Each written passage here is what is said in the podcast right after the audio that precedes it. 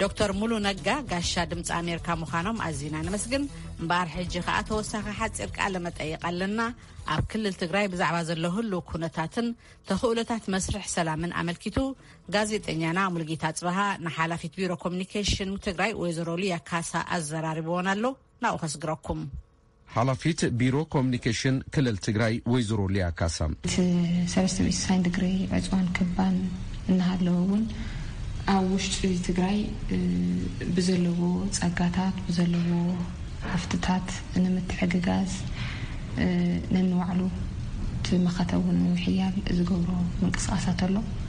ግን እቲ ዝዓበየ ከቢድ ፀገም ዝገብሮ ዘሎ ግን ብፍላይ ኣብ ኣዴታትን ህፃናት ዘሎ ሽግር ናይ መድሓኒት ሽግር ኣሎ።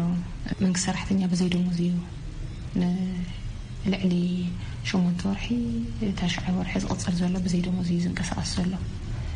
ገንዘብ እውን ባንክታት ተዓፅየን ንብርክት ዝበሉ ኣዋርሓት ህዝቢ ኣብ ብርሃፁ ብጉልበቱ ዘኻዕበቶ ሃፍቲ እውን ከይጥቀም ዝተገደበሉ ብኡ ልክዕ እቲ ናይ ኣብ መሰረታዊ ሸቐጥ ተፈጢሩ ዘሎ ፀገም እውን በቲ ሓደ ገፅ ዘሎ መሰረታዊ ሸቐጥ ከይዕድግ እውን እቲ ናይ ዋጋ ናህሪ ወሲኹ ኣሎ፣ ሰማይ ዓሪጉ ኣሎ። ስለዚ ነዚ ዝኸውን ገንዘብ የብሉን።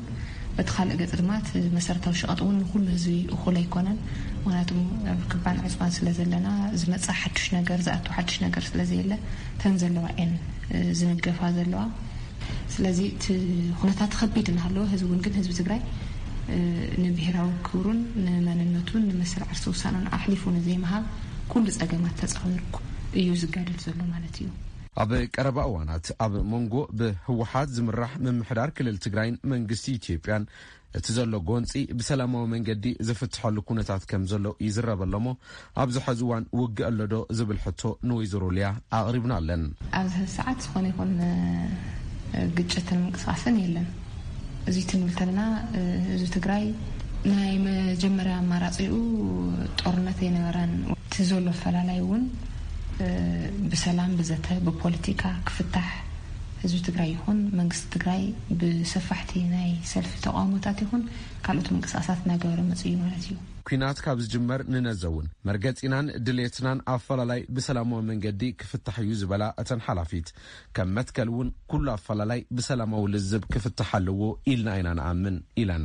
ስለዚ ከይዱ ከይዱ ናብ ሰላም ምእታውና ስለዘይተርፍ ኣብ ኲናት ኮይንና እውን ንሰላም ዘለና መርገፂ ንሰላም ዘለና ባህጊ ንሰላም ዘለና ድልየት ካብ ማንም ንላዕሊ ኩናት ሰብ ውን ኢኮኖሚ ውን ኩሉ እዩ ዝበልዕ ስለዚ ኣብ ኩናት ንዝሓለፈ ዓሰርተ ሸውዓተ ዓመት ዕጥቃዊ ቃልሲ ዝኸፈልናዮ ከቢድ መስዋእቲ ገና ዘይሓወየ ሕስን ዘሕምምን ውን ስለዝኾነ ሕዚ ውን ኩናት ኣማራፂና ኣይንገብሮን ተገዲድና ዝኣተናዮ ስለዝኾነ ሕዚ ውን መዕለቢ ክረክብ ተኾይኑ ናብ ሰላም ናብ ዘተ ክንኣቲ ኣለና ኢሉ ዝተፈላለዩ ቅዋማትን መርገፅታትን የሕልፍ ነይሩ እዩ መንግስቲ ትግራይ ማለት እዩ ህዝቢ ትግራይ እውን ነዚ ቅቡል ገይሩ ዝተፈላለየ ምንቅስቃሳት ይገብር ነይሩ እዩ ማለት እዩ ሐዚ እውን ኢቭን ዋላ ኣብ ዝለዓለ ናይ ወታደራዊ ልዕልነት እናሃለወ ዝተፈላለዩ ዓወታት እናመዝገበ ናሃለወ እውን ብተደጋጋሚ ንሰላም ዘለና ቅርውነት ኢና ንዓለም እውን ነፍልጥ ነይርና ንካልኦት ኣካላት እውን ማለት እዩ ናይ ሕዚ ናብ ሰላም ናብ ድርድር ክንኣተላና ኢልና ብዙሓት ምንቅስቃሳት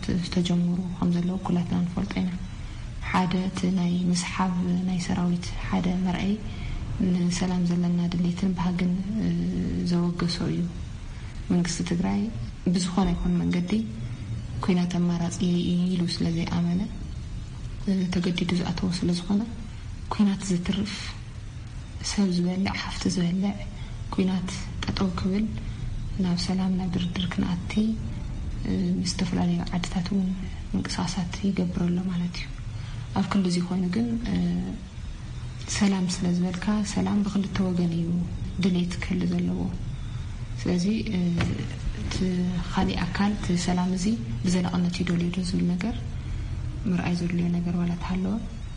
ዝተፈላለዩ ናይ ሰላም ድሌታት ዘለዎ ዘምስል ሓሳባት ግን የንጸባርቑ ኣለዉ ማለት እዩ።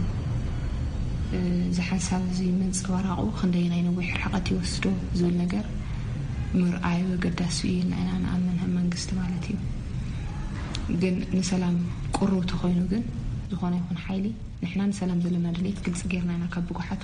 ናብ ናይ ሰላም ልዝብ ንምእታው ድማ ቅድሚ ኩሉ ሰብኣዊ ሓገዝ ከይተቖራረፀ ክኣቲ ኣለዎ ኢለን ወይዘሮ ሊያ። ዓባይ መሰረታዊት ነገር እዚኣ እያ፣ ቅድም ቀዳድም ማለት እዩ። ካልኦት ቅድመ ኩነታት ከም መንግስቲ ዘቐመጥናዮም ነገራት ኣለዉ፣ ናብ ዘተ ናብ ድርድር ትንኣት እንተለና ማለት እዩ። ግን እታ ቁፅሪ ሓደ ትውሰድ ግን ሰላም ናይ ምድላይ መንፈሳት እንድሕር ሃልዩ ኮይኑ ኣብቲ ካሊኣ ሓይሊ ኣብ ዝተፈላለዩ መግለፅታት ዝወፁ ዘለዉ ብዝተፈላለዩ ዝድመፁ ዘለዉ ሓደ ናይ የማን ሰላም ድዩ ዝብል ነገር ምርኣዩ፣ ካልኣይ እንድሕር ናይ የማን ሰላም ዝድለ ኮይኑ እውን እቲ ሰላም ሰላም ዝገብሮ ነገር ክትፈጥር ክትኽእል ኣለካ፣ ነቲ ሰላምስ ሰላም ኮይኑ ክቕፅል ዘኽእል ነገራት ሓደ እቲ ናይ ህፁፅ ሰብኣዊ ሓገዝ እዩ። ኣብዚ ሐዚ እዋን ምስ መንግስቲ ኢትዮጵያ ልዝብ ተካይዱ ዶ ኣለኹም? ይካየድ ዘሎ እንተኾይኑ ድማ ከመይ ይካየድ ኣሎ ዝብል ሕቶ ድማ ንወይዘሮ ሊያ ኣቕሪብናለን።